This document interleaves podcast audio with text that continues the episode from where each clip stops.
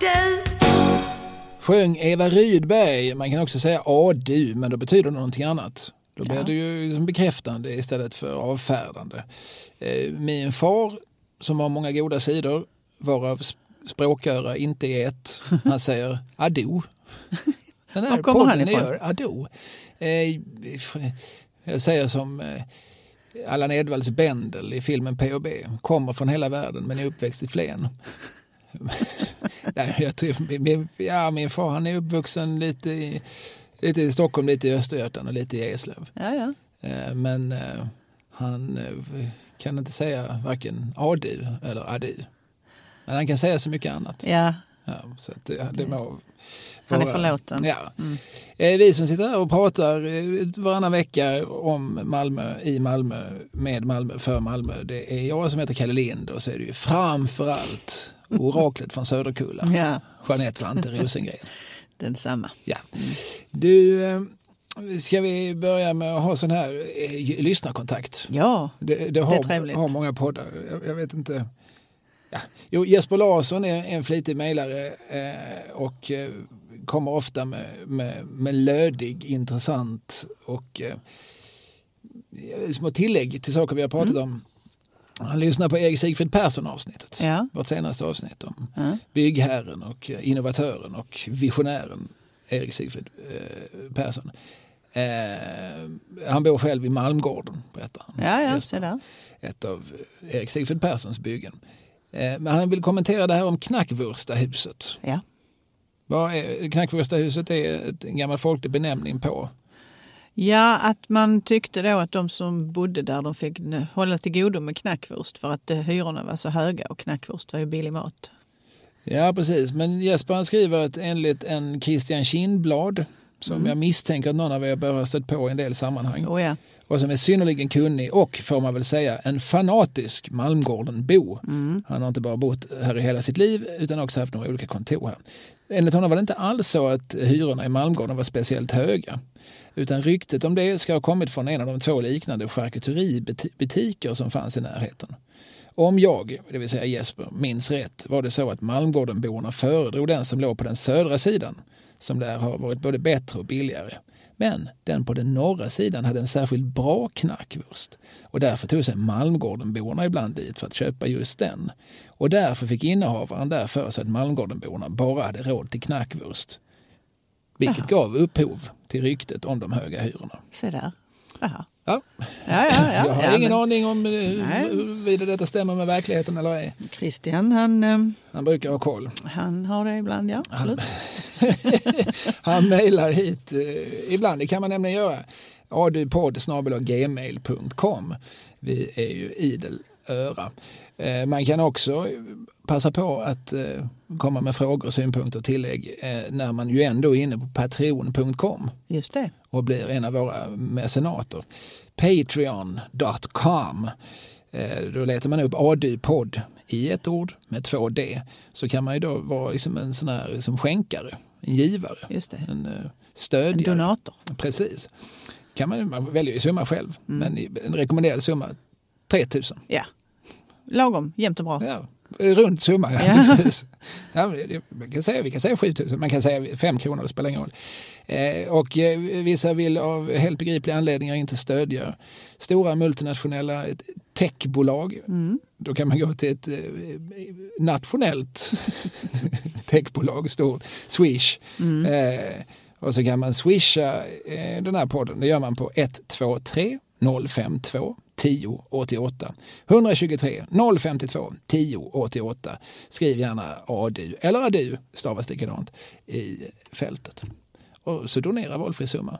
Jag, jag hade, om jag bara suttit och lyssnat på detta som du säger nu, jag Mm. hade ju sprungit iväg direkt och gjort det. Jag tänker, man behöver inte ens springa för många lyssnar ju i sin telefon. Sant. Så kan man med samma apparat, Ja. det här hade man aldrig kunnat förklara för sin mormor. Alltså med samma apparat Ja. lyssnar du på radio och betalar dina räkningar. Ja. Äh, hade hon sagt.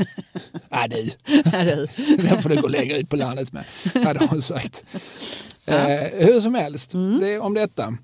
Mm. Idag ska vi prata om Talias döttrar, Mm. eller Talias damer, vad vill du säga? Uh, jo men Talias döttrar är väl bra. Men jag, jag tänkte, kan jag, jag har också ett läsarbrev. Har du ett läsarbrev? Jaha du. Ja men shoot. Ehm, och jag tänkte, det här kommer från en som heter Hans Söderberg Mhm. som skriver så här. Har lyssnat på några av poddarna som du och Kalle gör. Mycket underhållande och man får även mycket bekräftelse.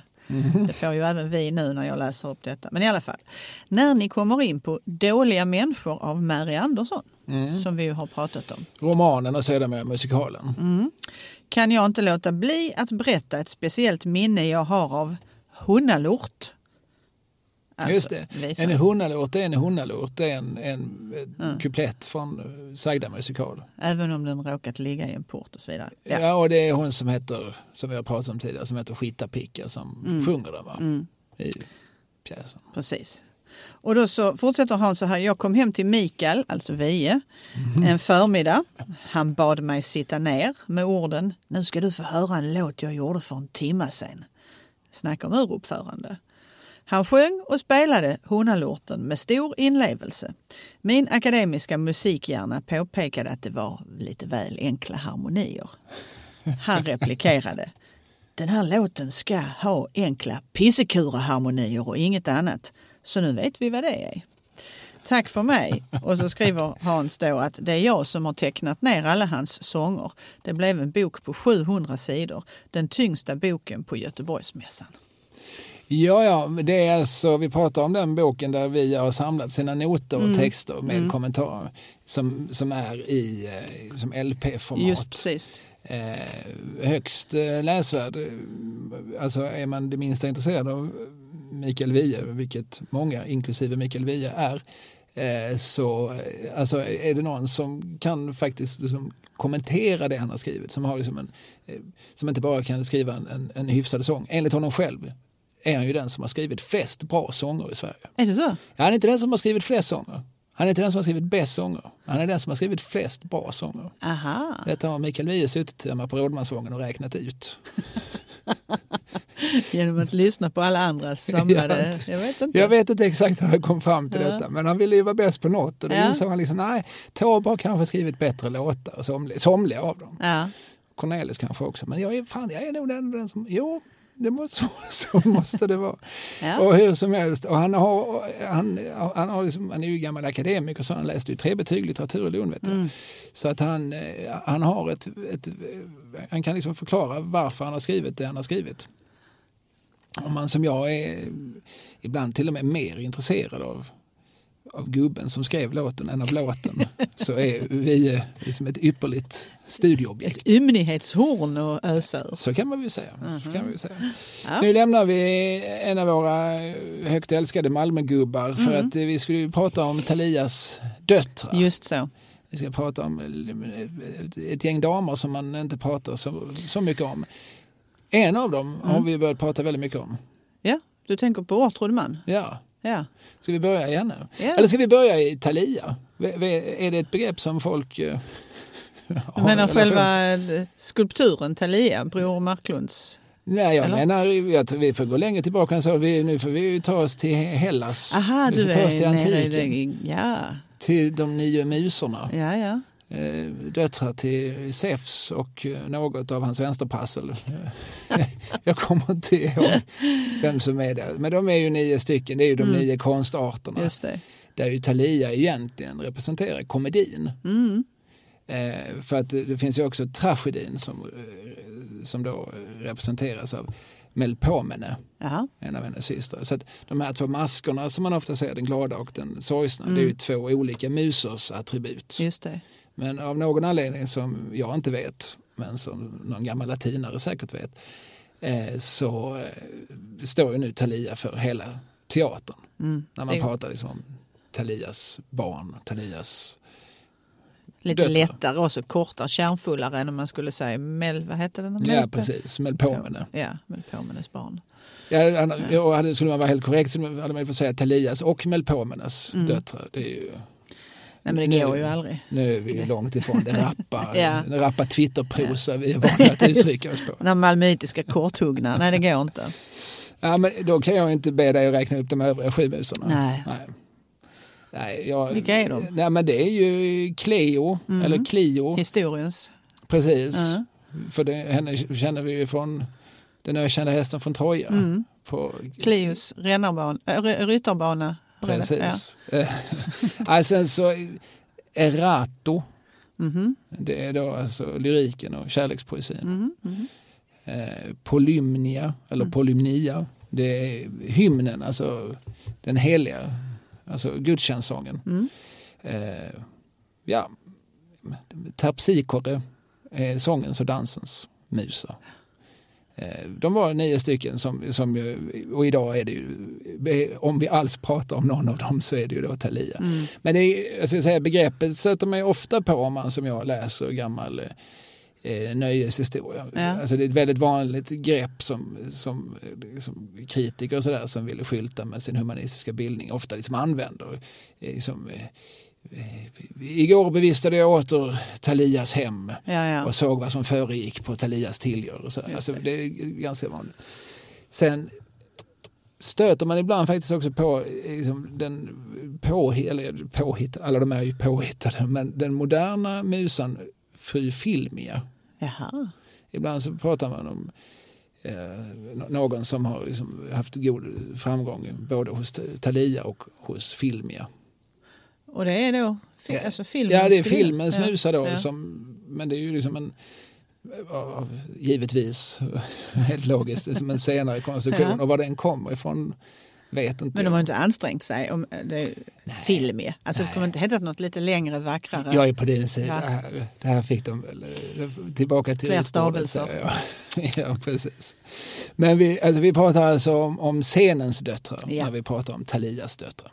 Sant. Och en av dessa döttrar eh, har, ju- har, har vi inte pratat så mycket om eh, under de gångna decennierna. Men eh, hon har ju fått en sorts renässans i och med att Malmö stadsteater för tillfället ju, eh, håller på att renovera gamla fina hipp Mm. och har istället flyttat runt. Nu är de, de är ute på Kirseberg och Ja. de är också på Malmö live. Just det. Och där har du varit. Ja, men där var jag häromdagen och såg eh, pjäsen Ortrud man. Om Ortrud man. Som Marie Götesdotter heter ju skådespelerskan som spelar hennes roll. Ja, och som också gjorde en strålande Ja. insats i Monikas vals häromåret. fantastisk. Faktiskt. Ja. Eh, Eller faktiskt, det blir inte förvånad så, men, men då hade man redan sett Edda Magnusson göra en utmärkt Ja. Monica Z på film. Just det. Så kommer någon och gör henne ännu mer övertygande. Ja, den var ju riktigt knockout-piller den alltså. Mm. Ja, det var, mm. Och nu så, så är hon, spelar hon dir, dirigenten, eller dirigenten, vad säger du? Alltså jag hänvisar ju till Sten Broman och säger dirigent. Ja, Jag vill inte bli ovän med, med Bromans ande. Ja, det var oerhört viktigt att säga dirigent. ja, För han hade en lång förklaring till detta men det, men det är ju, alltså, skulle man säga dirigent så är det ju, det är ju någon slags franskt uttal och det begreppet förekommer inte i franskan utan det, utan det är ju i så fall liksom det, det, det tyska uttalet som, är, som är det rimliga. Så då är man en dirigent som dirigerar. just det. Ja. Och, och är man den högsta dirigenten så är man chefdirigent och inte chefsdirigent som fårskallar och luspudlar säger. och dummerjönsar. Ja, ja. ja, men det är bra. Då, då har jag lärt mig den rätta benämningen. Ja. Ja. Broman hade fel ibland men vi behöver inte Norge, sa han även. Ja, det var ju principen att alla städer och platser ska uttalas som de gör på plats. Ja, Så, alltså, man säger inte Prag, utan man säger Praha. just det. Jag tror att någonstans när han började prata om indonesiska städer, jag undrar om han verkligen kunde hålla sig till den principen. Ja. Nåväl, Ja. Ortrud Mann gestaltas av Maria Ötesdotter på Malmö Live. Precis, och det är tidigt 40-tal som vi kliver in i den här handlingen och Ortrud har precis fått tjänst eh, som dirigent då på HIP. Hippodromteatern som du nämnde som den gången ju var Malmöbornas nöjesteatertempel nummer ett faktiskt. Mm. För Och då- det är, vad sa du, 1940? Ja, det är tidigt 40-tal. Så det är innan Malmö stadsteater står färdigt 1944. När Precis. HIP fortfarande inte har någon riktig konkurrens om att vara liksom den, den, den mesta operettscenen. Nej, och det är precis där i. Nu är detta ju... Man ska ju säga också att den här föreställningen är ju en, en fantasi. Mhm. Det är ju, vissa delar är ju såklart sådana som har ägt rum. Ortrud man har funnits och verkat men man har skarvat lite här och där. Förmodligen för att få ihop pusslet. Så i, i pjäsen så är det ju så att Elsa Winge som ju var direktris då på hippodromen eh, var lite sur för att eh, hennes före detta man Oscar hade ju då blivit lyrisk chef på det som precis skulle ha, alltså Malmö stadsteater skulle ju invigas ungefär lite senare mm. än vad vi är nu i handlingen. Ja, ja. ja, ja. det var ett långt intro. Jag hoppas att folk hänger med. Det hänger med på ett ungefär. Ja. Men, men det är ju oerhört spännande med den här eh, väldigt bortglömda personen. Hon var ju härifrån, var född 1917 mm. i Åkarp och kom från en exemplariskt eh, foto, eller heter det, musikalisk familj får man väl säga. Det får man väl säga. Hon är syster till Staffan Åkerberg. Ja. Som, eh, ja, som spelar i allt. Han spelar i Bialit med Lasse Holmqvist ja. och han kom på Östen Warnerbring. Och det är ju han som spelar på Bordellmammas visor. Är det det? Ja, det är ju han och hans orkester som, som spelar till Sjunka mig med vita handskar på. Som Så. spelades in i Malmö 1968. Just det. Visste han om att det var... Han visste om, men han, ja. han visste om och därför bad han också uttryckligen om att inte stå med på omslaget. Aha. Jaha, där ser man. Så var det med det. Ja, ja, ja. Tänk om pappa Kantorn hade vetat det. Ja, han, precis. Han hade nog många skäl att vilja mörka detta. Sen var det fel man att samarbeta med Johnny Bode om man ja. vill mörka något. Just det. Det fick ju hans eh, primadonna Lillemor Dahlqvist bittert erfara. Ja. Att eh, den där hemlighetsklausulen den, den gällde bara i några minuter. Sen var hennes karriär förstörd enligt legenden. Nåväl, ja. Åtrud man, musikalisk familj, Åkarp. Mm. Pappa kantor, mamma sångerska, Staffan som du nämner, musiker, pianist och systern Judith är skådespelerska. Och Ortrud själv, hon, man kan säga det är, det är ett underligt namn. Ja, man tänk, när man hör Ortrud Mann så tänker man att det måste vara en tyska. Ja, och det är som ett artistnamn. Hon hette ju då Ortrud Åkerberg från början eh, mm. innan hon gifte sig med Torman som också var hennes lärare. Men Ortrud kommer från um, en opera, en Wagner-opera som heter Lohengrin. Ja, ja, ja. ja, och där, det är rätt så komiskt för att uh, pappan tyckte att när hon föddes, Ortrud då, så såg hon ut som Trollpackan i den här operan, som alltså hette Ortrud. Hon var bister, svarthårig och ful. Ja, ja. en krass pappa Åkerberg. ja. Namnet Årtrud, jag har bara stött på det en gång tidigare och det var ju i Kurt Olssons Fodda blommor ah, vid slutet ja. på 80-talet. Men ja. minns du, han gjorde liveprogram med gäster, och så här, Jerry Williams med flera. Och då sitter det två tanter i publiken just och skäller med Reventberg och Agneta Danielsson. Och de hette ju Alfhild och Årtrud. Ja, Fick sedermera två egna tv-serier. Så stort var Kurt Olsson att de tanterna fick en spin-off. Det är roligt faktiskt. Ja, det är det. Men eh, hon hette i alla fall Ortrud från, från barnsben. Ja, men det gjorde hon. Hon hette Ortrud och eh, hon, eh, ja, hon, hon hade en trippelexamina. Alltså hon utbildade sig på Musikaliska akademin i Stockholm som, till organist. Va? Sen tog hon en musiklärarexamen och sen tog hon en kantorsexamen. Och då hade hon bland annat den här berömde dirigenten Torman som lärare och hon gifte sig så småningom med honom. Han var ju rätt så mycket äldre än vad hon var. Eh, men eh, ja. Man får ett intryck av att hon måste ha kunnat noter. Eh, det kunde hon garanterat. Hon var med på noterna. Hon var med på noterna. Men hon var också, eh, det berättas det om både i den här föreställningen och i allt som har skrivits nu på den senaste tiden att det var, här, en, en salt böna alltså. Hon körde bil fort som tusan och hon gillade att jaga och hon var liksom på det på den här tiden. Så. Ja, man associerar till sådana som Karen Blixen eller mm. eh, Ester Blenda Nordström mm. som ju häromåret fick en bästsäljande biografi eh, som mest känd för En piga bland pigor men, men som ju också var samelärare och som också som körde till Afrika och kollade läget. Mm. och så. Ja. Man hade som sagt äventyrskvinnor som det ja. finns en del från, ja. från eh, liksom, den första halvan av 1900-talet. Rätt spännande figurer. Ja, men precis. Men, och som har lite likheter. Det kanske jag som sitter och drar dem lite för långt men, men det finns någonting där med de kvinnor som väldigt tydligt erövrar en manlig värld. Mm. De passar gärna på att erövra tio till när de ändå är igång. Liksom. Precis. Även motorcykeln, även bilen, ja. även jaktgeväret. Just det. Tar, bit för bit tar hon sig in på det här territoriet. Och sen blev hon då 1944 när hon blev anställd på HIP, då blev hon Sveriges första kvinnliga dirigent. Och då är hon 24 va? om jag räknar, nej 27. Hon var född 17 ja. ja 27 Så, blev hon. Mm. Mm. Så hon är ung va? känns generellt ungt Ja. för, för att bli... Och med den här Trippla utbildning. Ja, det är ju rätt så fantastiskt. Eh, så att, och hon, den som har... ehm, jag tänkte, Jag ska bara säga, det och det här är ju inte bara från pjäsen, så här var det också i verkligheten. så här var det också i verkligheten, ja. Absolut. Och, och det var 44, ja, precis, det är ju samma år som, som Oskar Winge har lämnat HIP Ja, och lämnat eh, till sin exfru, lite gentil, så du kan få ta över den här teatern som, som ju måste bära sina egna kostnader. Så jag över till den här som har garanterade offentliga bidrag. exakt. Varsågod. Precis. Ja, jag tror jag har pratat om detta tidigare. Men Jo, men visst så var det ju. Och det är klart att det är en djärv satsning av Elsa Winge också att anställa Ortrud Mann. Och inte minst därför att hon får ju jättemycket mothugg från sina då manliga de, eh, kollegor och de som ska spela i hennes orkester. Och det, finns en i, i programbladet som man då får på teatern. Där har Hanna Nygren som är dramatikern som har skrivit det här. Hon har skrivit följande, jag tycker det är så talande. Hon skriver så här. Tidigt i arbetet med pjäsen pratade jag med en musiker som spelat för Ortrud Mann på Malmö stadsteater i mitten på 50-talet. Han var 16 år gammal då. Under hela vårt samtal insisterade han på att hon inte var dirigent. Hon var ju skolfröken, musiklärarinna. Hon visste inte riktigt vad hon gjorde.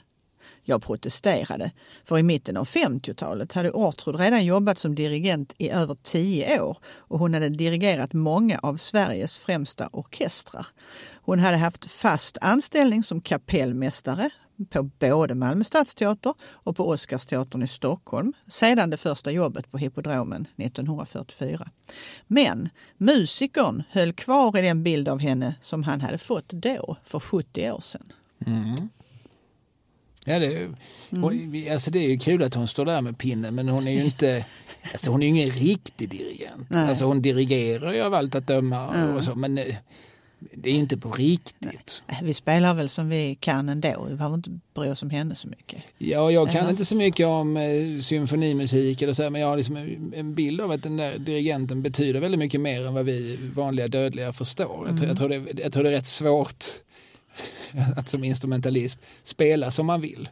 Att, alltså, ma- man är, där är någon som står Ja. längst framme och, och, håller pinnen, det är ju hon som bestämmer. Ja. Det, det kan du inte komma ifrån. Börjar du spela på något annat sätt så kommer också dina medmusiker att grumsa. Just det. Så att jag tror att han lurar sig själv när han liksom sa att ja, egentligen så brydde inte vi oss om henne. Nej. För det är klart de gjorde. Ja, de, de bör ju ha gjort det, absolut i alla fall. Eh, och hon själv eh, älskade ju det här. Hon älskar att dirigera och hon är citerad också i programmet. Hon sa, hade sagt så här i ett tillfälle. Att öppna en symfonikonsert är som att gå in genom en port, som att komma in i ett underskönt landskap. Har man en gång spelat på det klangsköna instrumentet som heter symfoniorkester så finns det inget annat instrument som räcker till. Nej, och det kan man kanske förstå. Alltså, visst, man kan få mycket liv i ett piano. Men eh, vad, vad är det? En symfoniorkester som mest kan, kan vi prata väl 60-talet musiker. Det är klart att det är ju lite fetare. Ja men det är visst. Du kan, till, och med- alltså, även nu med moderna tider synthesizer. Alltså, visst, du kan göra nästan identiska, nästan autentiska stråkljud. Men det är ju inte som en det är inte som tio violinister Nej, nej, nej, och några violaster När på de det. brakar och stad i en uh, härlig, Mm. ja vad vet jag. Ja, det är lite fett. Jag ska leda nu vid nyårs, ny, nyår 2021 ska jag vara konferencier på Malmö symfoniorkesters nyårsgala. Ah, Och det, det är ju att stå i det rummet där väldigt många människor liksom bygger upp den här liksom, smörgåsbordet av, Ja. av, av toner och, Ja. och läten. Det är ju, går inte att jämföra med något. det är på Malmö Live också då eller? Mm. Mm. Så jag ska stå där, ja, det höll på att säga där Ortrud Mann en gång stod, men det gjorde hon ju inte. Nej, nej, men, eh, Men i hen- hennes anda kan du ju ändå verka. På Ja, sätt. och eh, hen, hon står ju där indirekt via Marie Ötesdotter idag. Liksom. Just det. Var, var det, Ja, ja nej, sen lackade hon ur lite grann. Och, nej, det gjorde hon inte. Men hon får ju till Stockholm då 1950 och jobbade på Oscarsteatern. Men sen när hennes, hennes man då som var som ju var rätt mycket äldre, när han så småningom dog så flyttade hon tillbaka till Malmö faktiskt. Och efter pensioneringen så fortsatte hon att dirigera och, och jobba med musik och ta olika anställningar, som, också som kantor faktiskt. Så att hon jobbade långt upp i åren. Ja, och eh, erövrade ju verkligen liksom en, en värld som var helt tidigare, helt eh, liksom, kararnas. Alltså hon var väl den första, Ja, för, absolut. tror jag. Mm, Alltså, det, ibland när man säger så, den första, så det, det, ibland är det svårt. Det har liksom, jag har konstaterat i andra sammanhang att det är svårt. Liksom, att det, finns, det visar sig alltid att det finns någon tidigare. Ja, Varje ja, gång man ja. säger att den här människan var först, så ja, men då får vi inte glömma. Nej, just det. Ja, men det var inte så länge sedan som någon något eh, frågesportprogram i tv hävdade att Karin Söder var Sveriges första partiledare. Det var hon ju inte. Nej, Hon det var, var den någon... första, riksdags, första partiledaren för ett riksdagsparti när hon eh, tog över efter Fälldin 85. Mm. Men Vera Oredsson var ju före. Just nazisten, ja. Ja, och innan henne så fanns det en kvinna som hette Asta Gustafsson som var någon slags frifräsare som gjorde en massa konstiga saker. Bland annat startade hon sitt eget parti som jag tror heter Fria samhällspartiet 73. Mhm. Så hon var för nog först. Mm. Men förmodligen om vi rotar lite till så kommer vi säkert att hitta någon lokal partist någonstans. Eller, Mm. Som bildade sitt eget lilla parti som fick en röst Ja, i så, kommunalvalet ja, 1950. såklart. Sådär. Men, men eh, vad gäller Arthur Mann så eh, åtminstone som den fast anställda dirigenten och sådär. Mm. Så Ja. det är ju lite cool att Hon- hon är från våra Ja, breddgrader. men det är det. Hon dog så sent som 2006 fast, faktiskt. Mm. Så där har vi en av Talias döttrar. Ska vi, jag, jag har skrivit upp några. Ska vi, ta, Ja. ska vi spela pingpong så som vi gör Ja, ibland? det är jättebra. Ska vi prata lite om Git Gay? Ja, men det tycker jag. För att henne, jag tycker hon är sorgligt förbisedd i den här podden. Eh, Birgit Karp Just det. som hon ju hette. Git Gay var ett namn hon fick av Karl Gerhard.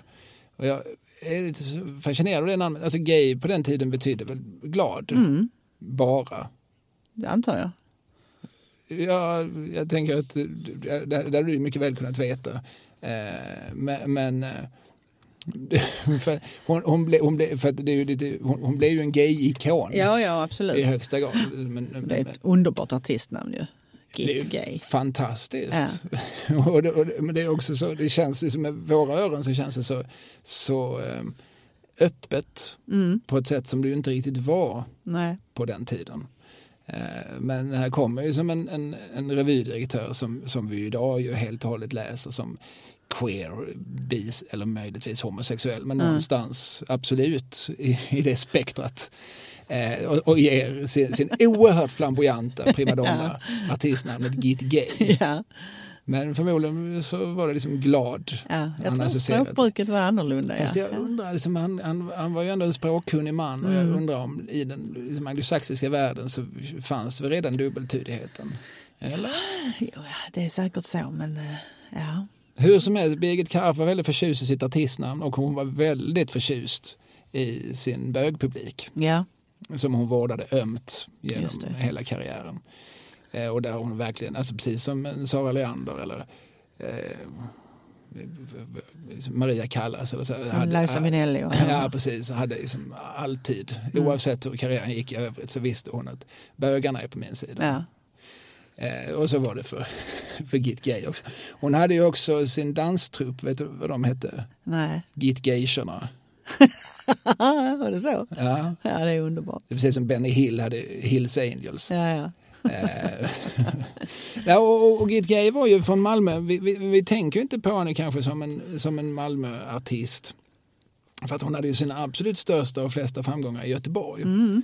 Och jag tycker det är lite roligt, man kan liksom ställa henne bredvid Marianne Mörk. Mm. Som ju är från Göteborg. Men blivit Malmös Mm. stora flamboyanta primadonna. Ja. Som, särskilt under 80-90-talet. Det var liksom Malmö stadsteater, stora operett och operastjärnor. Hon sjöng för fan Carmen också. Ja. Otroligt mångsidig eh, artist. Men det, det är som att de åkte förbi varandra på något vis. Ja. Eh, Git Gay är uppvuxen, eh, jag kan vara uppvuxen, har jag skrivit upp det? K- kanske, på, kanske, kanske på Limhamn. Eh, men, eh, och också utbildad på Musikkonservatoriet. Mm. Just det. Alltså inte bara en sån där... Som, Ingen så, refrängsångerska bara? Nej. Nej, precis. Eh, och, och, och debuterade 47 i Malmö under nu kommer sånt där namn som, som väcker någonting hos dig och mig. Mm. Kanske inte hos alla. Sigge Hommerberg Sigge Hommerberg, ja. Som är tillsammans med Dubbel-Olle Ja. höll i. Södran-revyerna. Och, Ja. och det var på Victoriateatern Mm, faktiskt som hon debuterade 1947. Eh, och kom sen till Stockholm och där träffade hon då Karl Gerhard eh, som tog henne till Göteborg. För att Karl Gerhard, det har vi nog nämnt tidigare, men Karl Gerhard hade ju han var ju visserligen bosatt i Stockholm men han hade sin, sin riktigt hängivna publik i Göteborg och hade alltid premiär på sina revyer där. Mm. Det var ju som en rest från andra världskriget när han tyckte att eh, Stockholmssocieteten var lite för brunvänlig. Ja, ja, ja. Men, Medan motsvarande Torgny. figurer i Göteborg, Mm. ja, men där fanns en helt annan, mycket, mycket liksom starkare liberal riktning Mm. i, inom hela redarsocieteten i Göteborg. mm.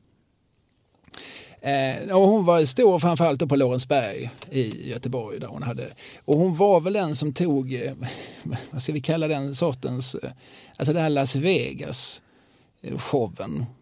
Där man la liksom väldigt mycket tonvikt vid tygerna. Just det. Och, eh, Paljetter, glitter. Precis. Hon var nog den som, så, som tog den genren hit och som eh, tveklöst var liksom den mest representanten för den under en lång räcka år. Hon, hon dog, eh, ja, det har jag nog uppskrivet någonstans.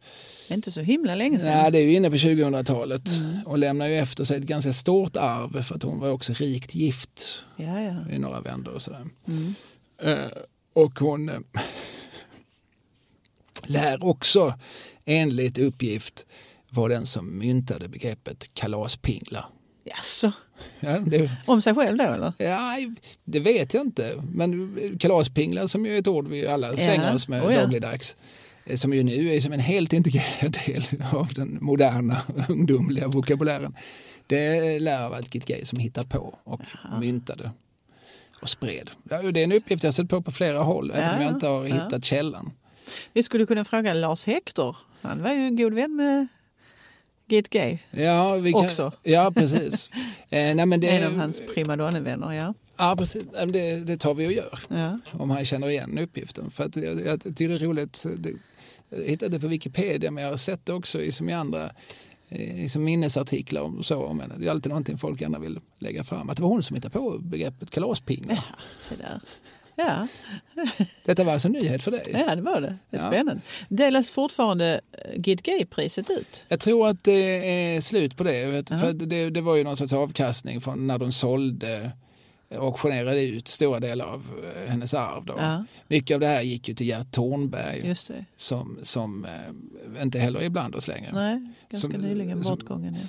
Precis, och som var eh, en, eh, en nöjesälskare av rang. Mm. Han jobbade mesta delen av sitt liv jag, på SVT och hade olika positioner där. Han var programledare ibland och producent ibland. Men, men jag tror de, sista decennierna så var han framförallt en lite hustomte inne på. det. Studio Värld eller något sånt där. Precis, men han var också under en period manager åt Eva Rydberg. Ja, ja. Mm. Och, sådär. och han, eh, han fick ärva mycket Ja. av Git Gays kvarlåtenskap. Hon hade en dotter men dottern dog tidigt, hon dog redan på 80-talet. Jaha. Så att det fanns liksom inga bröstarvingar. Och då anmälde sig Gert. Ja. Eh, och, eh, och jag tror att stipendiet som ju har gått till alla sådana här, liksom Birgitta Rydberg och Mm. eh, alltså skånska folkliga. Lill-Babs vet jag har fått det också någon gång. Ja just det, och hon är inte så skånsk utan Nej. ja, då är det väl folkliga Ja. representanter för den folkliga kulturen. Liksom Ja. för bensprattlet och tingeltangelkulturen. Glädjen. Precis. Den ursprungliga Thalia. Mm. och jag, men jag tror att de, när de pengarna tog slut så tog också stipendiet Ja, slut. ja, ja. Så det- detta om Git Gay. Mm. Eh, hon gjorde sitt sista framträdande på Liseberg 91. Så hon var ju nå- någonstans som i första hand Göteborgs. Ja. Men hon bodde ju här Ja, ja. Mm. tror jag under hela Någonstans livet. vid Drottningtorget va? Gjorde Ja, det? så var det nog. Ja, Alltså i slutet menar jag nu. ja, då, ja precis. Mm. Och, eh, och hon, hon var en Malmö-tös Mm. i själ och hjärta. Mm. Så att, eh, Ja, nej, men, Vi och visst har hon sina skor på, på Davidshalsbron också? absolut, det, det har ju inte Ortrud Mann faktiskt. Nej. Inte än, Nej. men det ska ju upp fler skor Ja, just det. så småningom. Mm.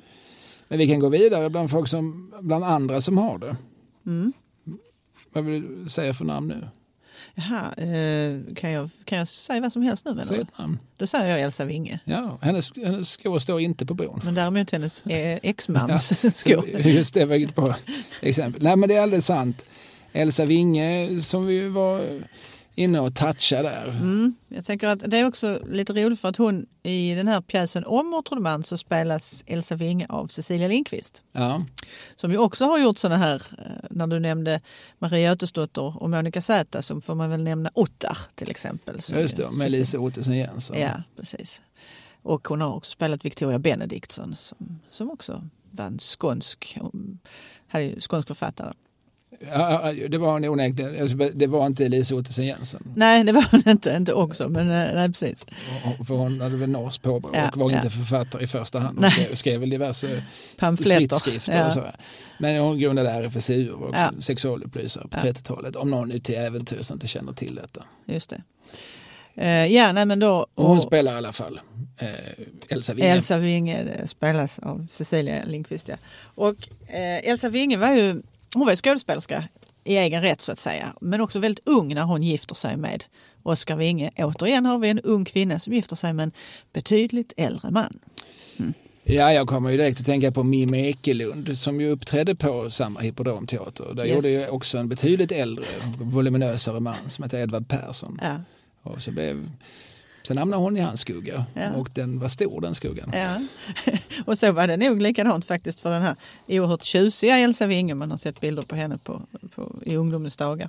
Ja, precis. För att Oskar Winge hade ju, kan vi säga, ungefär samma kroppsform som Edvard Persson. Ja, Jo, Så- det var en stor var också, herre, ja. Det var också en, en stor skugga att hamna i. precis. Och jag var ju tvungen naturligtvis att, ja du vet hur man fungerar Kalle. Man måste gå igenom, var har nu Elsa Winge bott i Malmö? Ja, ja. På vilka adresser? Det är så himla rimligt. Jag tror det är vad alla omedelbart springer och gör när de hör vilket namn som helst. Ja, men då var jag tvungen att kolla. Och då blev det en liten pendang till förra avsnittet nämligen. För att när Mhm. Elsa i- var ju... De fick ju en son ihop då, Oskar Winge och Elsa. Va? Men sen när de skilde sig då bodde Elsa och den här sonen i, först i det första Ribershus, alltså Limhamnsvägen 2. Mhm. Som ju byggdes av Erik Sigfrid Persson som vi pratade om Mm. tidigare. Och därifrån så flyttade hon till Friluftsstaden, alltså till Södra Klockspelsvägen. Som ju också är Sigfrid Persson Ja. att bygga. Det är ju makterna, hade Strindberg sagt. Det. Jag ser Ja. kopplingar överallt. Här. Ja, det, mm, absolut. Det, det kan ju vara så att de kände varandra. Det är ju inte alls omöjligt. Nej, faktiskt inte.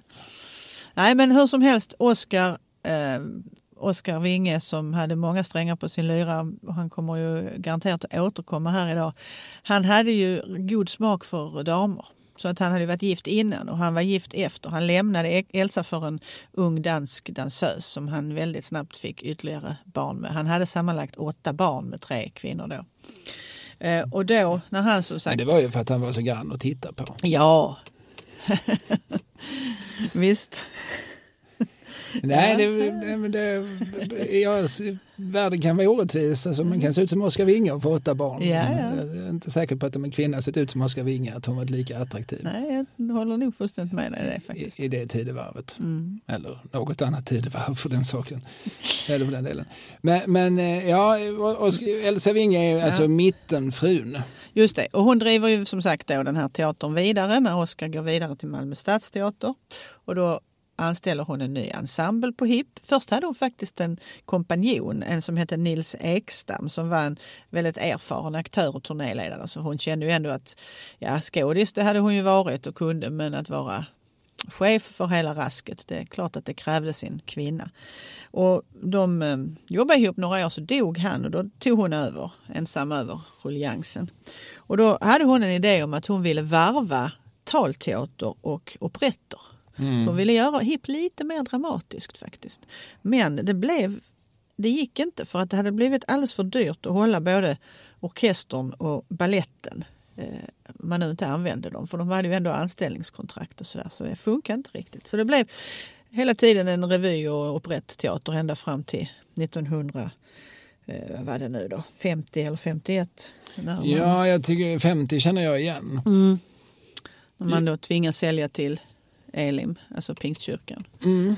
Och, och vi har ju pratat om Hippodramteatern tidigare och det är ju som en, en central plats i malmöitisk nöjeshistoria. Den står väl färdig på 1890-talet. Just det. Theodor Wåhlin som ritar. Och då är det just en hippodrom, eller det är ju en cirkusbyggnad Mm. men, där, men där de har ju har hästar och så Ja. här, som plats för tusen personer. Och liksom, det är ju som en enorm, eh, ja både ett enormt hus och, och en enorm samlingsplats. Och denne Oskar Winge som, som ju då själv hade en skådespelarbakgrund, han tar över 1922 Mm. och gör, eh, hittar det här liksom väldigt framgångsrika konceptet att spela operett och revy. Mm. Folklig musikalisk underhållning. Just det. Och han, eh, där, hos honom debuterar Nils Poppe. Mm. Jag har säkert citerat men Nils Poppe, den första recensionen där Nils Poppe nämns är på, på kvällen debuterade herr Poppe, han hade vita strumpor. Stod det Ja. Men det, det, och eh, Edvard Persson debuterar väl inte där men han blir stor där Ja. i, i den här eh, med, med rullebör och tollabössa Precis. 1926. Ja, jag tror det absolut. Ja. Ja. Den, den, när de repade till den pjäsen, då, den sattes upp på annandag jul nämligen. Men de repade ända in till klockan sex på morgonen på julaftons morgon. Sen fick skådespelarna ledigt resten av julafton och juldagen och sen kom de igen på annandagen och så var det premiär. Och sen spelade de 60 utsålda hus i rad. Mm. Rätt snyggt. Ja, nej men absolut. Och då får vi förstå att konkurrensen ser inte ut som idag. Nej. Alltså det fanns en oerhörd efterfrågan på liksom underhållning av alla sorter. Men, men man, man fick också underhållning. Idag kanske vi inte riktigt hade förstått alla referenserna och så men, men, det, men det var ju liksom fullt pådrag med, med färger och musik och, och roliga masker och eh, skojsigheter. Dagsaktuella händelser. Ja, de kommenterade bygget av egna hemsområdet på Rostorp. Och ja, sådär. ja, visst. Man kan inte skilja ett hus från en ann. De är så lika som en droppe vann och en droppe vann. Mhm. Fritt citerat ur minnet. Ja, ja, ja. Och, eh, så, så den här teatern är ju, är ju, är ju etablerad och, och ju, liksom, är ju ett ställe dit Malmö går för att roa sig. Men som sagt då 44 så får de konkurrens av Malmö stadsteater som ju har helt andra ekonomiska muskler, den ledningen. Och det är väl det Vinge ser att, att han måste någonstans kunna se i kristallkulan att nu är det liksom privatteatrarnas tid. Om inte förbi så, så väldigt mycket knackigare framöver. Och eh, å andra sidan då så har ju Stadsteatern inte ett lika populistiskt program. Nej, men så är det ju. Och han blev ju lyrisk chef. Alltså han, han, han ska ju göra det, är lite svårtillgängligare, det är lite mer konstnärligt Och Det ingick i hans kontrakt också att han själv skulle spela i ett visst antal roller per, per år då. Men så, så att ja, det fanns väl kanske då fortfarande någon sorts utrymme för, för liksom, ska vi säga enklare underhållning. Både du och jag vet att, att eh, som Karl Gerhard sa, han kallar ju revyn för den tunga industrin. Eh, det var inte, alltså, den, är, den är inte på något vis enklare att utföra Nej, nej. eh, och att göra bra. Men, eh, men den har ju liksom såklart en, en större attraktionskraft. Men eh, fortfarande var ju Hippodramteatern en stor teater och- och scenen krävde liksom en stor ensemble. Så liksom, det, det är mycket som står på spel. Mm. Om en föreställning inte går som den ska så tippar hela bygget på något vis. Just precis. Så det blir liksom, konkurrensen är ju otillbörlig Ja, ja, på något sätt. visst är det så. Ja, Och det var här kan ju liksom Julius Malmström som äger Nöjesteatern Mm. berätta om idag. Hur de, Nu sätter han upp Glada änkan. Det, det hade ju mycket väl Malmö Opera också kunnat göra. Mm. Då kan man ju fråga vem som riskerar mest på en sån uppsättning. Just det. Han får inga bidrag någonstans ifrån. Nej. Så är det ju. Eh, och Elsa Winge, så det är ju egentligen, om jag säger liksom, bara sex år. Mm. Jo men det är det. Sen går hon ju vidare. Alltså hon spelar ju in ett antal filmer. Hon är Mm. filmskådespelerska på 50-talet. Bland annat spelar hon i, mot Julia Caesar i någon, i någon film. Bror min och jag heter den. Ja, det kan det vara med Gus och Holger. Just precis. Gus Dahlström och Holger Ja. Höglund. Ja. Gus Dahlström minns väl kanske somliga av oss fortfarande. Han gör ju en liten men naggande god insats i Bo Widerbergs Mannen på taket. Som Åke Erikssons pappa. Men han var ju framförallt en del av kasinogänget med Gösta Bernhard och Ja. Carl Gustaf Lindstedt. Just det. Och, det, och det, det var även Holger Höglund, hans gamle partner tidigare. Men han dog så mycket tidigare så han är inte lika förevigad. Men bror min och jag, ja, det hette de som du. Det var liksom ett litet skämt. att Man fick aldrig veta vem som var brodern. Vem är jag och vem är? Nej, just det. Ja, det är han, så de båda i kö. Ja, ja, ja. Det var lite, de skulle, det var lite svin, svindlarbröder, var det inte det? Eller de skulle... Alltså, jag, så var det säkert i den här filmen. Alltså, som, som komiker du var det med så här klassiskt vitspar Ja, ja. som, som hade en akt där de liksom, som var väldigt ekvilibristisk. Där de liksom sjöng och vitsade om vartannat och det gick i ett rasande tempo. Så de var ju ett barn av 40-50-talets crazy, ja. precis som Povel Ramel på sitt håll och Casinogängen till övrigt. Tre Knas hette ju Carl Gustavs första grupp som han hade med Gunnar Knas Lindqvist och. Herr Olsson hette den tredje medlemmen. Men just det här Knas, det var ju det de höll på med. Det var- knasigt, det var Ja. knäppuppigt, det var flugigt. Crazy. Det var crazy.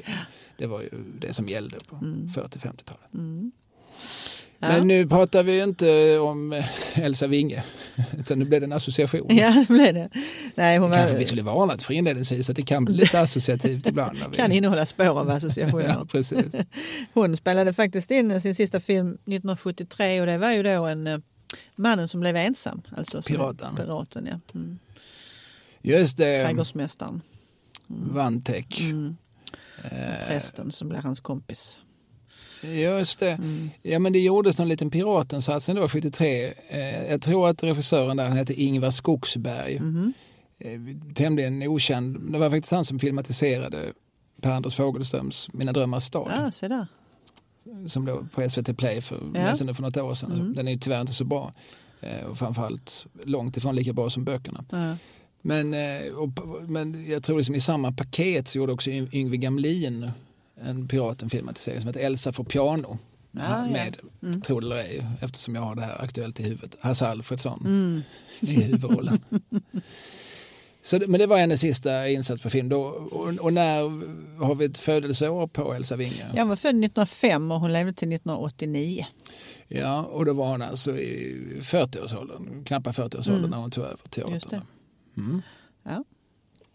Men och hennes skor saknar vi fortfarande på bron. Så Mm. det här är liksom lite tips till de som sitter i juryn. Då. Just precis. Är inte, är inte du med i den Jag var juryn, med Kalle? senast, jag är inte säker att jag kommer att få vara med i nästa vända. Men planen med den där bron är ju att det ska fyllas på liksom var tredje eller fjärde år. Och Ja. sådär.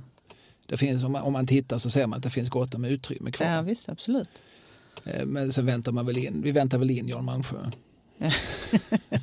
Ja, ja, ja, vi hoppas han får leva länge till. Ja, precis. Ja, ja, jag förutsätter att han överlever mig. Ja, Nåväl. Eh, det var Elsa Winge. Ska, ska jag ta ett namn nu? Absolut. Men Då säger jag Maj Lindström. ja. Majsan. Majsan. Mm. Ja, men hon, det, det är ju lite, hon, hon var ju liksom generationen innan Mörkskan. Mm. Eller kanske till och med två generationer. Men hon, hon var ju den stora, stora primadonnan Ja. på Malmö stadsteater.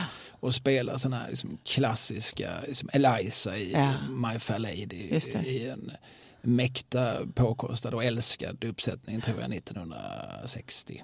Mm. Drar jag till med. Eh, och eh, gjorde alla den sortens roller de här liksom, stora, högt älskade. Det som, den här genren som, som är den från Centraleuropa så kallas den för operett. Ja. Är den från den anglosaxiska världen så kallas den numera för musikal. Men, men i mellanperioden hette den musical. Mm. Det tog ett tag innan vi försvenskade ordet. Men där kanske liksom My Fair Lady var, jag, tror, jag är rätt säker på att det var den pjäs som på 50-talet liksom etablerade den genren i Sverige. Ja, Den spelas ju också på Oscarsteatern med Jarl Kulle och Ulla Sallert. ja, ja. ja. Eh, och var ju som en Alla gick väl och såg den. huge success. Ja. Och eh, jag vet inte vem som spelade Higgins mot henne, men det skulle kunna varit... Eh, har jag skrivit upp det rent av? Nej, så, så, så, Jag vågar inte gissa. nej, gör inte det då. Eh, hon kom tillbaka i... Nej, precis. Hon spelar... Det är därför jag hade namnet Malmsjö aktuellt. Hon kom tillbaka... Den, den sattes upp på Nöjesteatern igen 95-96. Mm. Och då spelade Jan Malmsjö Higgins. Ja, ja. Men då, spelade, då var ju Maj för gammal för att spela Eliza. Mm. Så det var ju då Sofie Lindberg som gjorde henne. Eh, men eh, eh, vad heter hon? Maj Lindström spelade då istället professor Higgins mamma. Ja, ja, ja. Mm. Det är lite roligt. Mm. Eh, Men jag, nu retade mig den som kommer ihåg eh, vem som spelade Higgins mot eh, Lindströms Eliza kan ju, kan ju ropa. Kan ju mejla kanske. Just det. Majla. Mm. Ja, nej, men vad, vad kan vi mer säga om Maj Lindström? Ja, det finns väl oerhört mycket om henne. Hon gjorde ju också små... Hon, eh, minns du en gång när vi pratade om MP Möller? Då hade hon ju en liten biroll i något avsnitt där när hon, eh, när hon var en sån här fal, eh, fal dam som... Änkans skärv tror jag avsnittet heter. Vet, hon raggade upp karlar på, änklingar på kyrkogården och fick dem att låna ut pengar. Hon, hon förekom ju inte sällan i Malmö TV-produktioner. Mm. Hon spelar ju också som vi nämnde liksom, i Åsödens BK. Ja. Det är hon som spelar eh, hembiträdet hos Blåbärskungen. Elin. Just det. Ja. Som, som ju är liksom, någon sorts ställföreträdande mor åt Jorma. Och, eh, Edvard, ja. precis. Eh, men hon, eh, hon pratade då inte skånska. Nej, Utan hon hade sina rötter i Skutskär. jaha. Kan du placera Skutskär på en Sverigekarta? är det Gävletrakten? Eh, ja, det kan Eller? det nog vara. Det är norra Uppland så det är väl på gränsen till Västmanland. Ja, ja men du är nog helt rätt på det. Mm. Mm. Eh, nu var jag liksom tvungen här att kolla. Det var Olof Bergström som spelade Jaha. eh, professor Nej, Higgins har jag en 1960 års uppsättning. Regi Gösta Folke som ju också Ja, var teaterchef. Teaterchefen, ja. Mm. Eh, och eh, nåväl. Åke Lindström spelade Sopåkaren. Åke Lindström som vi väl känner som eh, Kapten Haddock va? I Tintin. Aha, gjorde Thomas, rösten Thomas alltså. Bolme som Tintin. Jag tror att han är Haddock Jaha. eller möjligtvis. Ja, det är ett namn jag känner igen från Tintin-skivorna. Förlåt, man kan inte säga ett namn. Nej, jag För vet. då börjar Du, vi- din, jag, alltså på något Ni- sätt skulle jag du, vilja du se in i det. också, du, du är lika associativ. Ah. Sitter inte och lägg detta på mig. eh, men Maj Lindström var i ett antal decennier Mm. eh, en, en stor stjärna. Jag fick en ganska söt anekdot serverad av mig av eh, Ronny Danielsson. Mm. Som ju är regissör, frilansregissör är han ju, men han är ju, han är ju främst eh, förknippad med Malmö Opera och bor ju här i stan och så. Men det var han, han, nu senast spelades ju Sound of Music både i Stockholm och Malmö. Mm. Och då tänker man att det var Ronny Danielsson som satte upp den i Malmö men han satte ju upp Stockholmsversionen. Ja, ja. Eh, Så att eh, han är ju inte, man tänker alltid att han är, liksom, det är väl han som bestämmer i princip Precis. Malmö Opera, men så är det inte riktigt. Nej. Men innan han eh, blev liksom frilansande regissör med, med sådana här liksom spektakeluppsättningar med stora ensembler som sin specialitet så var han ju, eh, jag vet inte om han hade titeln, men han fungerar nog som konstnärlig ledare på Studioteatern Mm, precis. som satte upp eh, också så spektakulära föreställningar på 80-talet, gärna i, som i gamla Hangarer och Bulltofta flyghangar var de i. kabaré. Jag har nog sett både kabaré och vill jag minnas spelar man på taket i den lokalen. Men de letar gärna upp den här sortens Just liksom, stora rymliga lokaler. Han satte också upp, långt efter Studioteatern satte han ju upp här Ja. i, i Kockums gamla matsalar. Va? Ja, minns det. Mm. Eh, men, men de skulle ha med Maj Lindström i någon av, förmodligen i Cabaret. Va? Ja. Hon kanske spelar eh, Fräulein Schneider Ja, i, ja. i Cabaret. Och eh, så Studioteatern, det var ju som en amatörteatergrupp. Med, och och då, då förberedde Ronny Danielsson som de, de unga skådespelarna. Nu när Maj Lindström kommer hit, som ni kanske inte har någon relation till, nej, för de flesta satt ju som få, fågelholkar vem? Ja. Nu när hon kommer hit då ska hon behandlas som den stjärna hon är. Gå fram, be om autograf, eh, be att få ta en bild och sådär så att hon, så att hon känner, känner sig Sin välkommen. Så som, Stjärnstatus. Ja. ja, precis så som en primadonna vi känner sig välkommen. Ja. Det vill säga när hon omgärdas av beundrare. Eh, för en- enligt Ronny så gick ju Majsan gick gärna med solglasögon på stan och så för att hon inte ville bli igenkänd. Och de sista åren så hade hon nog inte behövt de där solglasögonen. Men hon, det är ju så det Ja, fungerar. myten om... Ja, precis. Mm. Men jag tyckte det, det var väldigt eh, psykologiskt eh, klokt att vi så, Och så gjorde de det också då? så gjorde de det också. Eh, Med, med påföljd att de ju också fick en primadonna. För att, Ja, ja. för att då, då sätter ju hennes Såklart. primadonnemaskineri igång Ja, och hon ja. börjar bete sig som den, som den diva de alla ville att hon skulle vara på något sätt. Naturligtvis. Ja. Så att, eh, det var liksom en win-win. Ja, vad roligt. Ja. Ja, nej, men, och hon, eh, som sagt, hon syntes en del i tv och så, men det var ju framförallt på den Ja. stora scenen, alltså Visst. Stora Bu, Mm, just det. eh, som hon hade sitt, sitt hem och var firad stjärna i decennier. Mm. Och hon har sina skor på bron, Ja, men det har hon så ju. då stryker vi ju henne från listan. Och så går vi till din lista.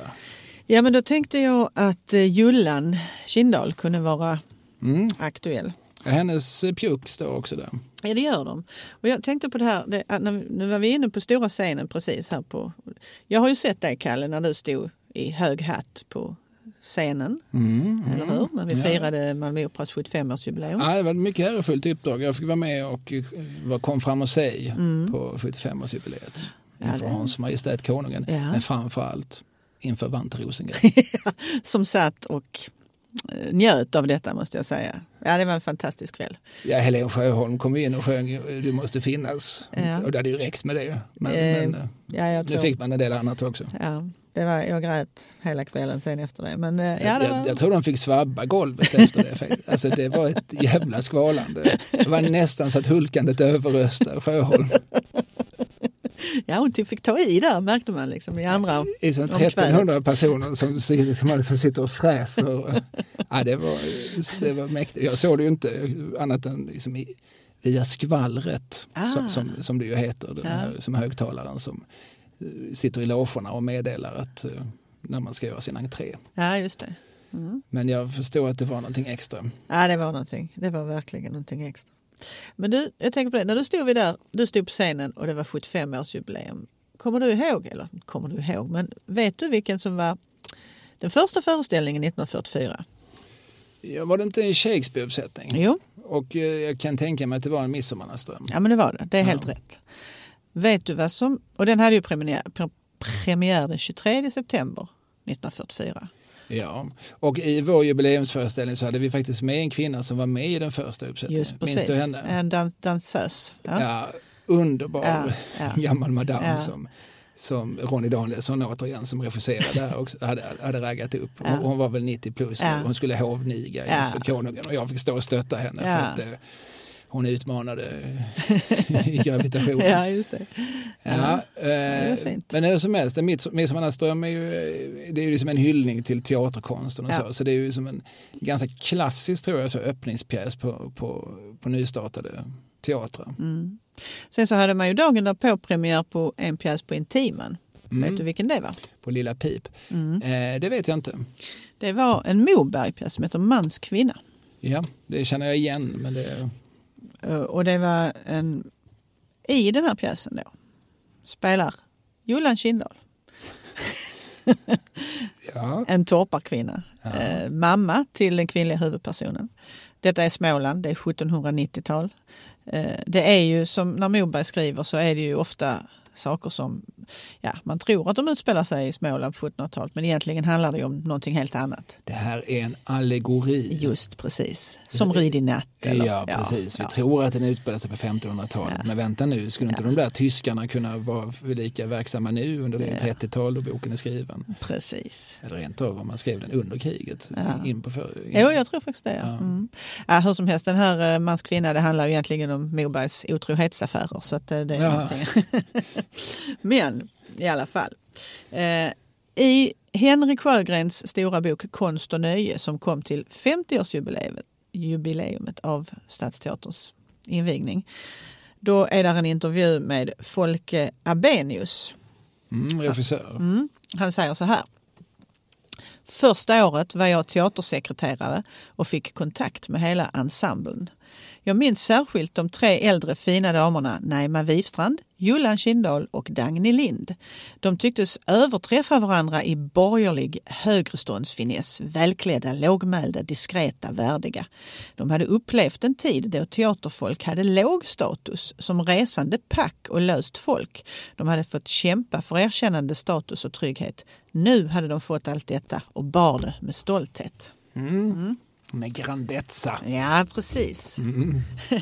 Det är lite intressant tycker jag för att det säger ju någonting om hur det där eh, synen på skådespelarna och skådespeleriet förändrades från, från det här enkla löskefolket till den stora scenen och Ja, precis.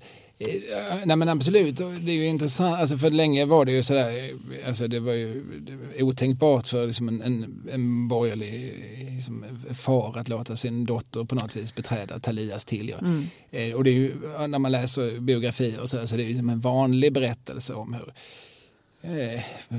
folk, Sara Leander eller you name them, har liksom fått slå, slå sig loss från detta liksom, och liksom trotsar Kaj Gullman, men trotsar Ja. eh, liksom faderns uttryckliga, inte bara önskan utan också regel. Mm. Eh, och de måste fly till Stockholm kanske och, och gömma sig och kanske uppträda under falskt namn. Ja. Och sådär. Det, det, det, det var ett, eh, ett alltså, särskilt för, för kvinnor då så var det ju också liksom förknippat med lösaktigheter, rent av prostitution. Ja, ja. Mm. Vilket eh, också hade med verkligheten att göra. Alltså det, det fanns någon Ja, ja. det fanns ju liksom också liksom, liksom per- personkopplingar till den världen. Alltså det, Mm. det, det var ju någon sorts halvvärld många gånger. Men, men- men, men det fanns ju liksom en, en sorts eh, motsägelse i detta för samtidigt så, så, så har, har ju liksom skådespelare, när de väl blivit stora, så har de ju varit väldigt välkomna i, hos societeten, åtminstone för att komma dit, få en bit mat i köket det. och göra ett litet framträdande. Någon soaré någonstans, ja. Ja, precis. Och de har liksom behandlats som både som horor och madonnor. Ja, och någon av våra Bernadotte-kungar har ju haft någon skådespelerska som mätress. Emelie Högqvist. Ja, precis. Oscar 1 Ja, tror jag som hade, ja, de, de hade ju två erkända barn. barn, ja precis. Ja. Eh, jo, nej men så visst. Mm. Det, nej, men det, det, det är ganska spännande just den här eh, ja, motsägelsefullheten, att å ena sidan och å andra sidan. Att, eh, ja, men det är väl trevligt att det finns skådespelerskor, men min egen dotter ska inte bli Nej, men själv. Och Nej. ska vi vara väldigt krassa så hade väl samma generationsmän ungefär samma hållning till prostituerade. Mm, säkert, absolut. Mm. Att det var väl bra att de fanns, att man kan träna sig lite innan äktenskapet. Mm. Men det är ju ingenting jag vill att min dotter ska ägna sig åt. Nej, nej, nej. Så, och så tänker vi Kara idag också, fast idag kanske prostitution inte är lika förhoppningsvis socialt accepterat som det ju var Mm. liksom i början av 1900-talet. Ja, ja. Om man läser Hjalmar Söderbergs Den allvarsamma leken Mm. så det är som alldeles självklart att han i väntan på sin Lydia Mm. så, så går Arvid till, till horhus. Ja, mm. jo, nej, men man gjorde väl det. Ja. Men det här var en, Ja. en, också en association utifrån Folke Arbenius minne. Om Jullan, om Julia Karlsson som hon hette från början innan det blev Jullan Kindahl. Hon gifte sig Kindahl alltså. Ja, hon är inte heller från Malmö, hon är från Stockholmstrakten. Mm. Men hon började tidigt sjunga i kör och sen hade hon, ja det vet sådär, hon eh, tänkte egentligen bli hattmodist.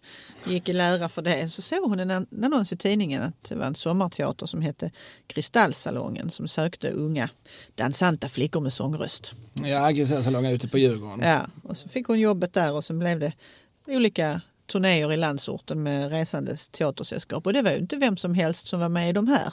Hon spelade ju mot Harriet Bosse, eh, flera uppsättningar och Ernst Rolf och sådär va. Mm. Och sen så är det Oskar Winge igen. Han återkommer. Han var ju reser- en nyckelfigur. Ja, han reser runt i landet i början på 20-talet med, med en Shakespeare-föreställning just som heter Stormen. Och den blev ju, gjorde ju ingen succé alls och han fick byta mitt i pågående eh, per, kontrakterad period så valde han istället ett danskt lustspel som hette Hemslavinnan. Det, det gillar jag. Det är någonting också i, i den liksom krassa synen. Så, nej, nej, folket vill ju uppenbarligen inte ha finkultur, så då får vi väl ge dem folkkultur då. Precis, struntar vi i detta. Ja. Då tar vi något som folk skrattar åt. Ja. Ja, visst, och det, Julan var ju med i ensemble då så då blev hon ju liksom upptäckt av Vinge och sen så anställde han henne på Hippodromteatern och hon gjorde debut där 1923. Och något om arbetstakten, hur den var på HIP den gången. Hör här. När Julan nu kommer in i bilden. Dagen efter en premiär, då var det genomgång av kritiken. Mm. Sen, samma dag, följde kollationering inför nästa uppsättning. Man Med snabba bud, de hade alltså premiärkvällen innan. Absolut. Ja. Sen har man premiär på det nya, alltså ungefär var tredje vecka. Varje dag är det repetitioner mellan 10 och 16. Varje kväll är det föreställning klockan 20. Eh, utom på söndagar för då är det matiné klockan 15. Man spelade även på måndagar på den tiden. Ja. Nu, är- måndagar är ju av hävd en teaterfri kväll nu för tiden. Mm. Eh, Det tror jag att eh, Povel Ramel var upphovsman till. Åtminstone tillskrev han sig det själv. Jaha, Ja, men han, nej, jag vill inte spela sju kvällar i veckan och jag är direktör så jag bestämmer. ja. Uh, Okej då, sa hans meddirektör Felix Alvo. Eh, men ja, nej, men det var en arbetstakt Mm. som heter duga. Jag associerar nu. Va? Nej, men eh, Gösta Ekman den äldre som ju var en som extremfirad eh, skådespelare men också teaterdirektör på 20-30-talet och som drev olika, alltså Vasan och, och, och sådär tillsammans med Pauline Brunius Ja. och hennes make John. Eh, han, han, hade ju, han brann ju. Plus att han då ju snappade upp det här centralstimulansen när han var i Berlin och spelade in film. Eh, vilket det ju glunkade såklart mycket om i Stockholm. Då eh, vid något tillfälle så spelar de en föreställning, eller de har premiär på en föreställning och de märker själva när, när vid ridåfall att det här det gick inte så bra. Publiken tyckte inte om det. Det här kommer de att skriva illa om nu i tidningen. Eh, så då säger Gösta Ekman, då börjar vi repetera nästa pjäs nu. Alltså nu. Samma dag som I samma kväll. Ja. Alltså nu. Och det är ridån har då, gått ner. Precis. precis, det är då Stig Järrel fäller den klassiska repliken. Jaha, alle man till sprutorna. Och det betydde?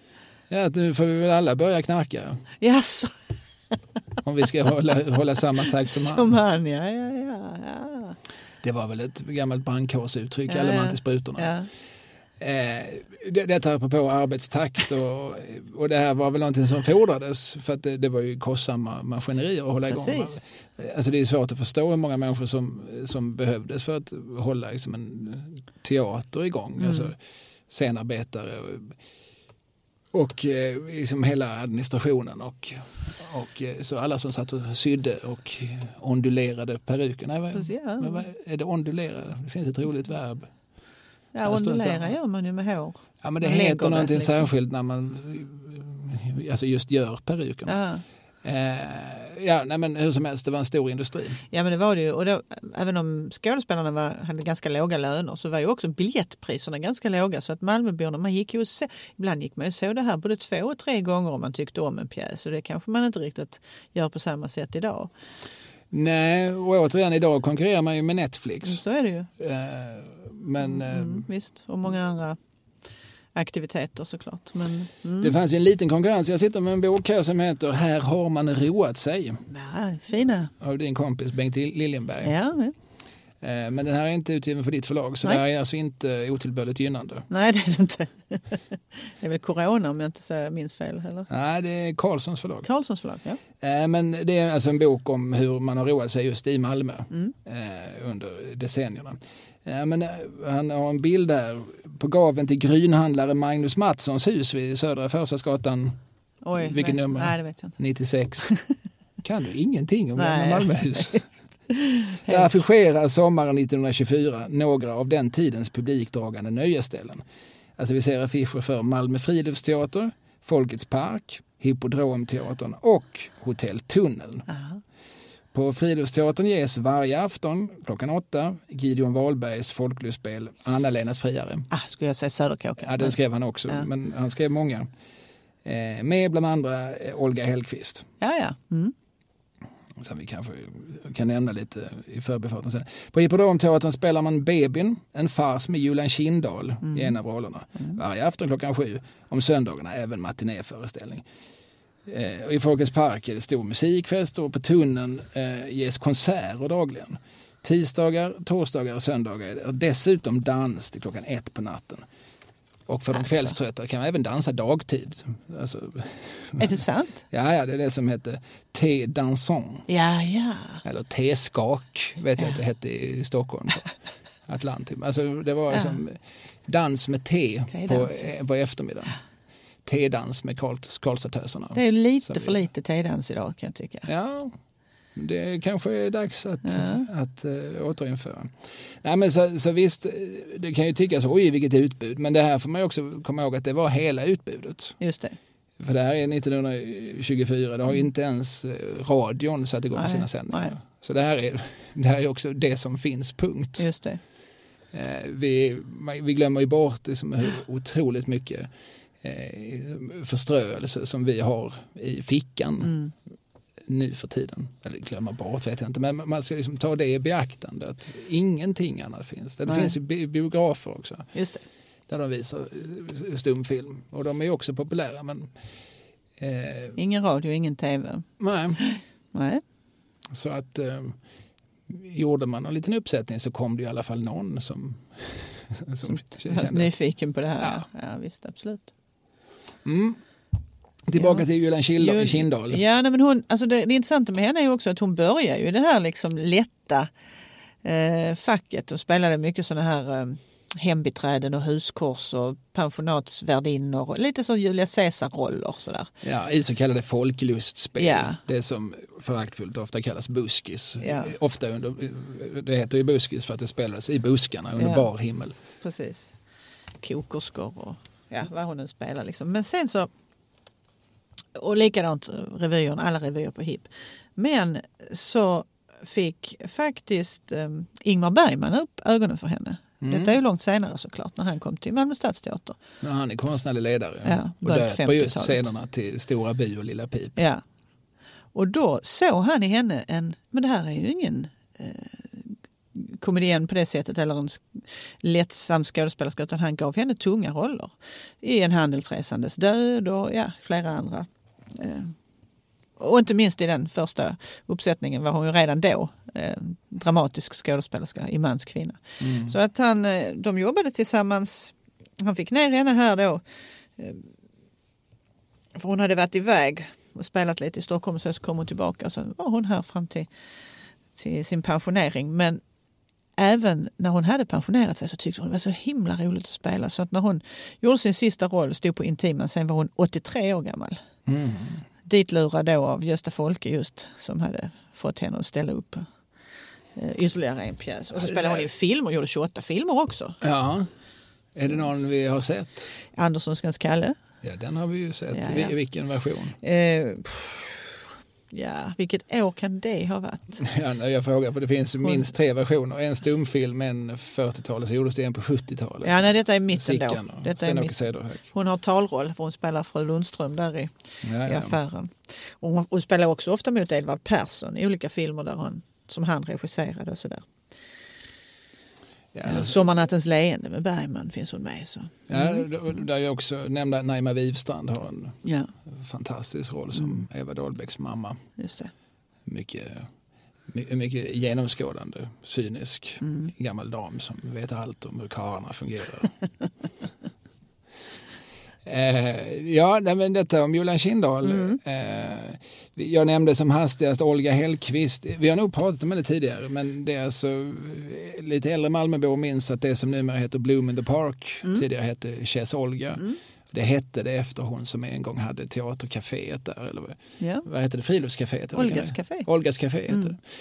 Och det var denna Olga Hellqvist som, som drev det här fiket när hon inte eh, drev teatrar och stod på scen. Precis. Och hon kom från familjen Hellqvist. Alltså, även hennes bror. Och, och, visst var Otto Hellqvist deras far? Du, det vet jag inte. Otto Hellqvist, eller Otton som han Mm. hade som sin signatur. Han, eh, alltså tidigt 19, skiftet 1800-1900-tal så finns han i, han bor här i stan i Malmö men han eh, figurerar i dåtidens skämtpress, du vet Söndagsnisse och Ja, ja. Strix, sånt Jaha. som Hasse Zäta och Albert Engström Ja. höll på med. Eh, jag tror att han var, var far till Anders och Olga Ja. Och Kalle och Kalle. som var kapellmästare. Mm. Just det. Och de var, de, deras främsta scen var väl alltså nuvarande Folkets hus teater, alltså gamla Folkets hus. Alltså nuvarande Café Barbro Ja, eller vad mm. kan det heta idag? På, på skol, Norra Skolgatan där. Precis. Eh, och där var de i, i, i, många år. Och båda, Anders Hellqvist var också under en period chef för Folkets park. Just det. Mm. Och 1947, 12 mars, var det tack och avskedsföreställning på det som då kallades för Operan vid Skolgatan. Ja, just det. Det vet jag att du har berättat för mig tidigare. Eh, har den funnits alltså i över 50 år som, Mm. som Malmös folkliga teater. Mm. Och då var Olga Hellqvist med och eh, ska nu ta farväl och eh, jag, läser, jag läser nu Bengt Liljen- Liljenbergs Ja. bok. Eh, något tårögt blev det när hon avtackades efter att i 30 år ha tjänat teatern. Säg inte mer för då gråter jag, sa Olga. Hon var rörd och hela publiken var rörd. Eh, och sen skrev signaturen Bonzo i Skånska Dagbladet. Citat. Nu försvinner vår enda folkliga revyteater. Där det där glada, ibland lite grova, men sällan störande grova skämtet haft sin hemvist. Slutcitat. Det känns som att den, den, gränsen drar man lite där man själv vill. Men eh, vi förstår att det här var ju som en, det här var en teater som spelades för det riktiga folket. Absolut, ja visst, visst, visst. Olga Hellqvist hon, hon hade ju en roll som Talia också när vi nu ändå är inne på ämnet. Hon spelar ju, när man 44 då, då sätter ju Folkets hus teater upp en sensommarnattsdröm som en liten blinkning till stora scenen på Stadsteatern. Ja, ja. Och där spelar Olga Talia. Hon är ju sminkad, alltså hon, man ser bilderna på henne, det är ju Talia, samma Talia som står i foajén på, på Stadsteatern. Och där kommenterade de läget och det var mycket skämt kring den här premiären som ju hade försiggått av otroligt mycket svarta börshandel. För det var ju av de här 1600 platserna som fanns så hade ju bara folket tillgång till 300 någonting. Resten var ju väldigt... Dignitärer, ja. honoratiores. Ja, precis. Men de här 300 biljetterna de, kurs, de köptes ju för 13 kronor och sen kunde de säljas för 250. Och detta skrev man ju öppet i dagspressen. Alltså det var ju sådana här radannonser biljetter säljes. Ja, nej, det är ju sånt som vi, vi, vi fortfarande sysslar med. Ja, vi sysslar med. nej, men det är roligt för att i helgen som gick jag såg både, både Anders och Måns och Henrik Dorsins respektive föreställningar. De har varit mm. ute på Facebook och liksom varnat köp för en rätt Köp Aha. herregud för en rätt biljettservice. Jaha. Annars får ni betala för mycket och pengarna hamnar i fel fickor. Åh, oh, är det så? Ja, det finns. Det, det här är ingenting som har försvunnit med Nej. internet utan tvärtom har ja. förfinats. Ja, ja. Ja, nej, men, så Olga Hellqvist, eh, hennes eh, dojor kan man mm. också hitta på David Hallsbro. Just det. Eh, för övrigt. Och där hittar man också eh, det här poddens, eh, den här poddens sista namn, Gudrun Brost. Är hennes skor där också? Ja. Ja, vad bra. Ja, det är jag 97 ja, nej, men det, Du vet ju, det är ju du som har... Nej, men det, de stod där redan. När jag, var jag var ju bara med i andra ah, omgången. Ah, hur kunde de undgå dig i första? Jag fattar ja, inte. Nej, men du vet. Jag, jag, jag är ju så diskret. Så det, är ingen som, det är ingen som noterar lilla mig. Eh, så jag var med och tog fram eh, liksom, Anita Ekberg och Jacques Werup och mm. Carl Pedal och ja. Eh, en handfull till. Lasse Holmqvist var, var det var liksom nog det enda jag som, som jag liksom själv la fram. Mm. För de andra fanns redan på något vis ja. på en lista. Olof Gertel eh, mm. fanns redan på mm. en lista. Men eh, hur som helst, jag är ganska säker på att Gudrun Borst var med mm. redan i den första klatten. Ja, det är säkert så. Den snälla vampen från Veinge kallar Karl Gerhard henne. Ja, och Veinge, då är vi uppe i Halland. södra Halland. Mm, mm. Alltså det är där någonstans på på fel sida av Hallandsåsen. Laholmtrakten. Ja, Laholmtrakten, ja de var väldigt kära i Laholm, både Gudrun och hennes son. Johannes Bostia som, mm. som ju med tiden också, jag tror han blev hedersmedborgare. Ja, just det. Laholm har ju bara två kändisar, det är han och Björn Hellberg. Ja. och nu ja. är ju inte Johannes längre ibland oss. Nej. Men som du säger, Gudrun Borst hon var alltså mor till Johannes mm. som, som, eh, som dog här om året. Mm. Eh, så nu är vi ju återigen, vi har ju rört oss i det förgångna. Nu är vi fortfarande i det förgångna. Men när har hon sin storhetstid i 60-talet? Ja, eh, Gudrun. Mm. Ja, alltså hon är egentligen eh, redan, hon är också på Hippodramteatern redan på 30-talet. Så pass. Och gissa vem som tog dit henne? Elsa Winge, Oskar Winge. Winge, ja, Oskar Winge såklart. Ehm, det var också en sån här kvinna som spelade lokalrevyer från början i Halland. Alltså hon hade, hennes föräldrar hade ett gästgiveri. Hon var faktiskt född i Malmö men de flyttade till Halland och så startade föräldrarna det här gästgiveriet. Hon hjälpte ofta till där och började få intresse för teatern. Så att eh, när hon kom till, till HIP så gjorde hon, jobbade hon här parallellt med att hon hade väldigt mycket filmroller. Hon spelade in sammanlagt över 40 filmer faktiskt. Mm. Det är inte så många av dem eh, som vi minns. Nej, det var, hon var, eh, något tillfälle var det någon som omnämnde henne som Sveriges mesta birollsinnehavare. Men hon gjorde ju väldigt många kända och bra biroller. Men sen så var hon ju iväg från Malmö ett tag därför att då kommer Karl Gerhard och engagerar henne. Eh, både på Vasateatern och Södra Teatern. Okej, då är vi i slutet av 50-talet va? Det är faktiskt eh, 40-talet redan, mitten på 40-talet. På, på Södran då? Ja, För Vasan hamnar familjen Gerhard på, tror jag, alltså Karl och hans son Per var ju direktör där. Det tror jag det är någon gång vid 50-talets slut de tar över. mm. Eh, ja, men, men hon är också en av liksom, stjärnorna på eh, som gamla Malmö stadsteater. Alltså Ja. På den tiden när det spelades, stads, eller det spelades talteater på stora scenen. Och det är Bergman som tar hit henne igen då. Ja, och, och då gör han väl henne alltså, till en dramatisk aktris. Absolut. Det gör henne till, men använder henne som. Absolut, det är sån här huvudrollen i Vildanden och i Faust och Motor Courage och sådana där stora bärande roller, absolut. Hon spelar mot Max von Sydow i Ja.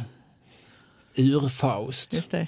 satt ihop alltså Goethes gamla pjäs i, i någon så, alltså, ur, alltså man tog liksom ursprungsmanuset och Ja. satte upp. Just det. Vilket fick då Hasse Alfredson, ett namn som ju lätt poppar upp i mitt huvud, att till karnevalen 58 skriva, spe, inte spexet men väl pjäxet ur knaust, eller ur knaustus. Eh, och då, det är roligt i Lundaspexarna, de hörde då av sig till Bergman och frågade om han kunde komma in och regissera. Och svarar Bergman, eh, det har jag tyvärr inte tid med, men jag skickar min regiassistent. Sen Jaså? skickar Jan Hemmel som var... Är det sant? Ja, ja. Finns ju för en annan, vid ett annat tillfälle skickade en Åke Fridell, Ja. skådespelare känd från, ja, till exempel från Sommarnattens leende, eh, som eh, kom in till Lund, eh, bad spexarna att eh, jag får se vad ni har gjort, Spe- spela spexet. Då spelar de spexet i sin helhet och sen så tittar de på, på honom och undrar vad ska vi göra nu då? Eh, Gör precis som ni har gjort hittills, när blir det dags för ätning? Det var, det var, det var Fridells regi. ja. Nåväl, eh, Gudrun Borst. ja. Jo, men eh, hon är som sagt hon är otroligt aktiv. Hon har alla dessa rollerna här. Hon spelar in mycket filmer. Hon blir också tidigt ensamstående med sin son Johannes. För att Mannen som hon är gift med, Sven Forsell, han är ju ett ärkenöt, alltså den där karln. Han eh, håller på med en massa konstiga penningaffärer som förskingrar och har sig. Så att han, han blev så rädd att han skulle åka i fängelse så att han tog värvning i Främlingslegionen. Mm, då är man rädd. Då är man jätterädd. Jag tycker det verkar märkligt för nog är det väl värre att vara i Främlingslegionen än att sitta lite i, på kåken i Sverige. Eller ja, jag vet ju inte. Jag har ju inte varit på något av ställena så. Men Nej, ja, jo, nej, nej, jag- nej, inte jag heller. Jag, alltså, fängelse har jag visserligen sett Ja, från insidan. jo, jo.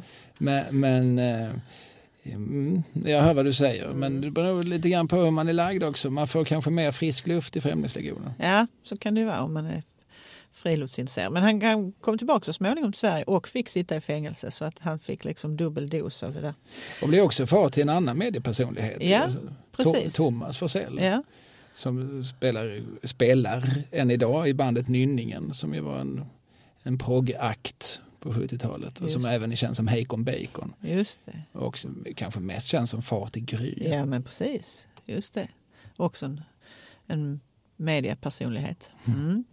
Men Gudrun hon uppfostrade ju då Johannes. Och han har ju själv berättat om det här att han hade ju en oerhört nära relation med sin, med sin mamma. Och han fick ofta sitta på, eh, ja men det var ju inte så lätt att få barnvakt alltid kanske. Så han växte väl upp mer eller mindre på där i olika I kulisserna. kulisserna på teatern och så. Ja.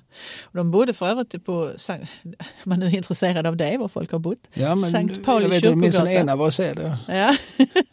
Tänk denna fina Sankt Pauli kyrkogata 12C. Alltså om man står och tittar rakt fram mot kyrkan så är det på höger sida ett av de där otroligt vackra jugendhusen. Ja, Där bodde de och hade ett ändå behagligt avstånd till arbetsplatsen. ja, det får man väl säga. Mm. Eh, Ja, nej, och han skriver väldigt kärleksfullt om henne i sina memoarer, Dö inte nyfiken. Just det. Det är väl egentligen henne han skriver kärleksfullt om. I övrigt så är det ju liksom, hans memoarbok är ju, den är inte alls eh, som illvillig men det är ju liksom en skvallerkatalog eh, utan mycket till motstycke. Alltså.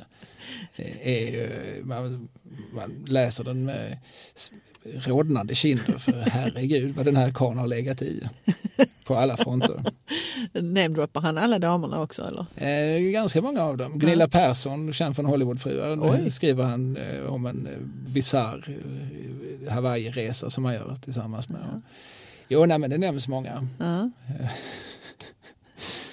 ja det, är, man, är man road av det, det lite skabrösa, det lite så, kötsliga så rekommenderas Brosts memoarer.